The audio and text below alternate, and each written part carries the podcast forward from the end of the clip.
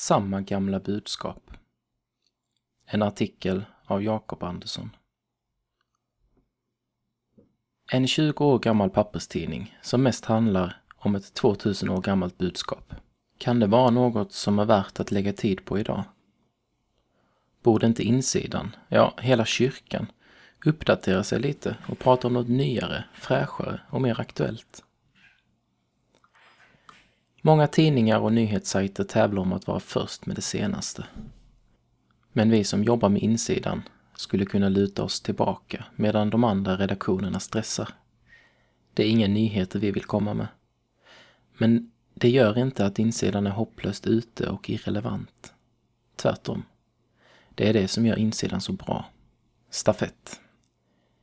4 gånger 400 meter och 4 gånger 100 meter brukar vara höjdare när det är OS och friidrotts-VM. Det är något med stafetten som gör den speciell. Det är en lagsport på ett annat sätt än de övriga friidrottsgrenarna.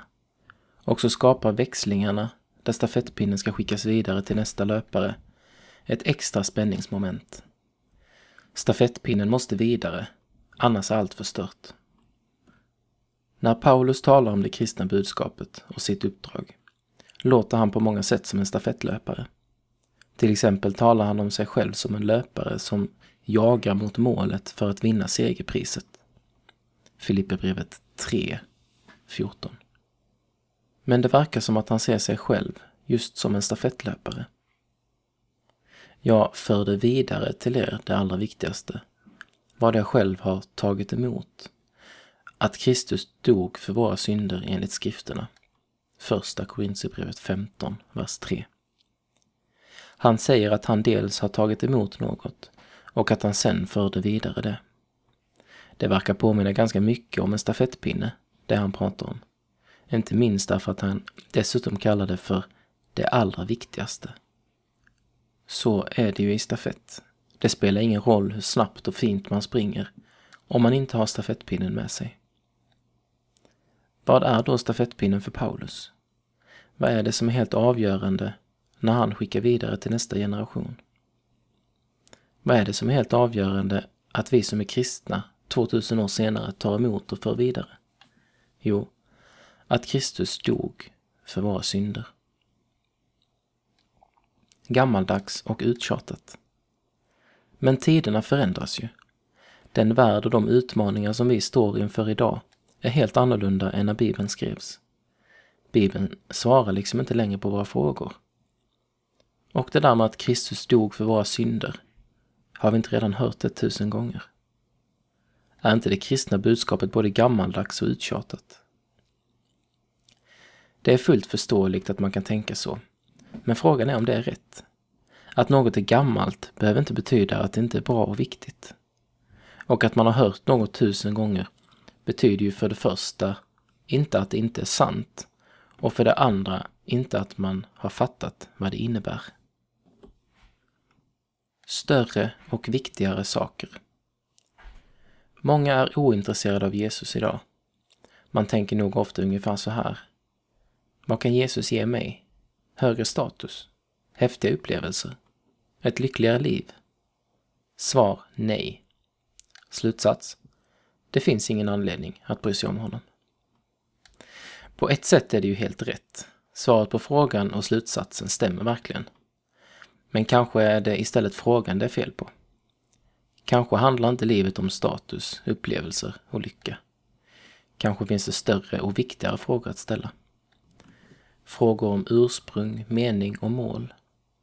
Och om rätt och fel, godhet och ondska, skuld och förlåtelse. Kanske är det de frågorna som det kristna budskapet handlar om. Om en patient med livshotande skador på akuten envisas med att fråga läkarna hur mycket en plopp kostar i sjukhuskafeterian är det inte säkert att han får svar. För det finns större och viktigare saker att fundera på. Under 2000 år har Bibelns budskap gett hjälp och svar på människors frågor. Och så är det fortfarande. Miljontals människor har upptäckt och fortsätter att upptäcka det som Paulus ville skicka vidare, det som han kallade det allra viktigaste. De har insett att det är den verkliga lösningen på de viktigaste frågorna. Det bästa budskapet. Bibelns budskap, och inte minst det allra viktigaste, att Kristus dog för våra synder, är som riktig dynamit. Det är sprängkraft i det. Det är ett budskap som förvandlar och ger liv, glädje, mening, vägledning, tröst, hjälp och frid till den som tar emot det. Det är Guds budskap. Och det är han som talar genom bibelläsning, predikan och artiklar. Han som skapade hela universum genom att prata. Han kan skapa nytt liv i dem som hör hans röst. Kanske gör han det för första gången vi hör eller läser budskapet.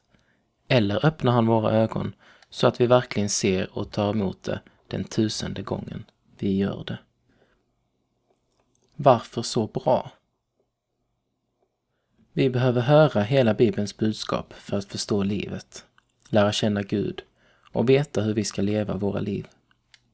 Här finns svar, vägledning och viktiga perspektiv för livets alla områden, för de stora men också för de små frågorna. Att förkunna och förklara detta är kyrkans och insidans uppdrag. Men det är något som är viktigare och bättre än allt annat. Stafettpinnen, evangeliet, att Kristus dog för våra synder. Jesus är kärnan och stjärnan i Bibelns budskap. Evangeliet om vad han gjorde på korset är nyckeln till hela den kristna tron och det kristna livet. Att förkunna evangeliet är vårt huvuduppdrag. Genom evangeliet lär vi känna Gud, den Gud som är fullkomligt god och fullkomligt ren och som reagerar mot och vill göra slut på ondska, synd och lidande. Genom evangeliet lär vi känna hans kärlek, hans gränslösa, utgivande kärlek som gör att han frivilligt offrar sig själv genom att dö vår död för att vi ska få slippa.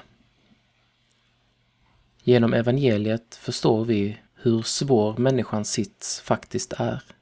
Att Jesus var tvungen att dö för att betala vår skuld säger oss något om hur hjälplösa vi är i oss själva och hur beroende vi är av honom. Genom evangeliet förstår vi hur allvarlig synden är. Jesus behövde dö och bli förbannad och skild från Gud därför att vi syndar. Då är synden allvarlig på riktigt.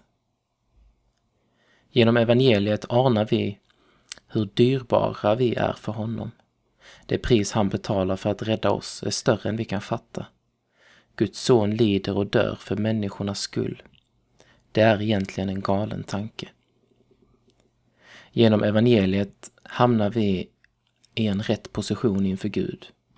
Vi blir försonade och rättfärdiga, totalt förlåtna för allt vi gjort och kommer göra. Vi blir Guds barn. Genom evangeliet ser vi nåden, att han har gjort allt detta för oss och ger det som en gåva alldeles gratis. Vi kan aldrig förtjäna det utan bara tacka och ta emot. Genom evangeliet kan Guds ande flytta in i oss så att vi kan leva i en öppen och nära gemenskap med Gud igen.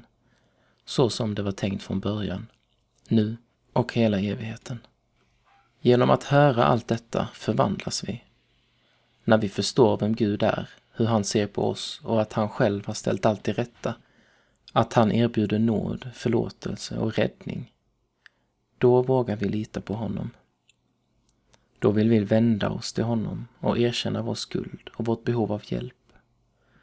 Då inser vi att vi kan vila i honom och han blir det verkligt viktiga för oss. Glädje, tacksamhet och frid fyller oss. Genom att höra evangeliet växer tilliten och tron. In i vår tid. Detta fantastiska budskap vill vi som jobbar med insidan, precis som Paulus, ta emot och föra vidare. Både till de som aldrig hört det och till de som hört det tusen gånger. Bönen är att fler ska ta emot det och att fler ska växa i kunskap och tro så att det gamla budskapet får förvandla och forma hela livet. Men för att kunna föra det vidare måste vi göra det tillgängligt för vår tid. Därför lutar vi oss inte tillbaka. Vi behöver skriva så att unga människor förstår vad vi menar. Vi behöver möta folk där de är. Vi vill på nya och olika sätt visa vad den kristna tron egentligen handlar om. Vi vill ta emot ungdomars frågor på allvar och hjälpa dem att se de riktigt stora frågorna och det riktigt stora svaret. Det finns mycket bra som är viktigt, men vi vill skriva om det bästa och det viktigaste. Bön. Tack Gud att jag fått höra budskapet om att Kristus dog för våra synder. Hjälp mig att ta emot och föra vidare detta fantastiska budskap till de människor jag möter. I Jesu namn. Amen.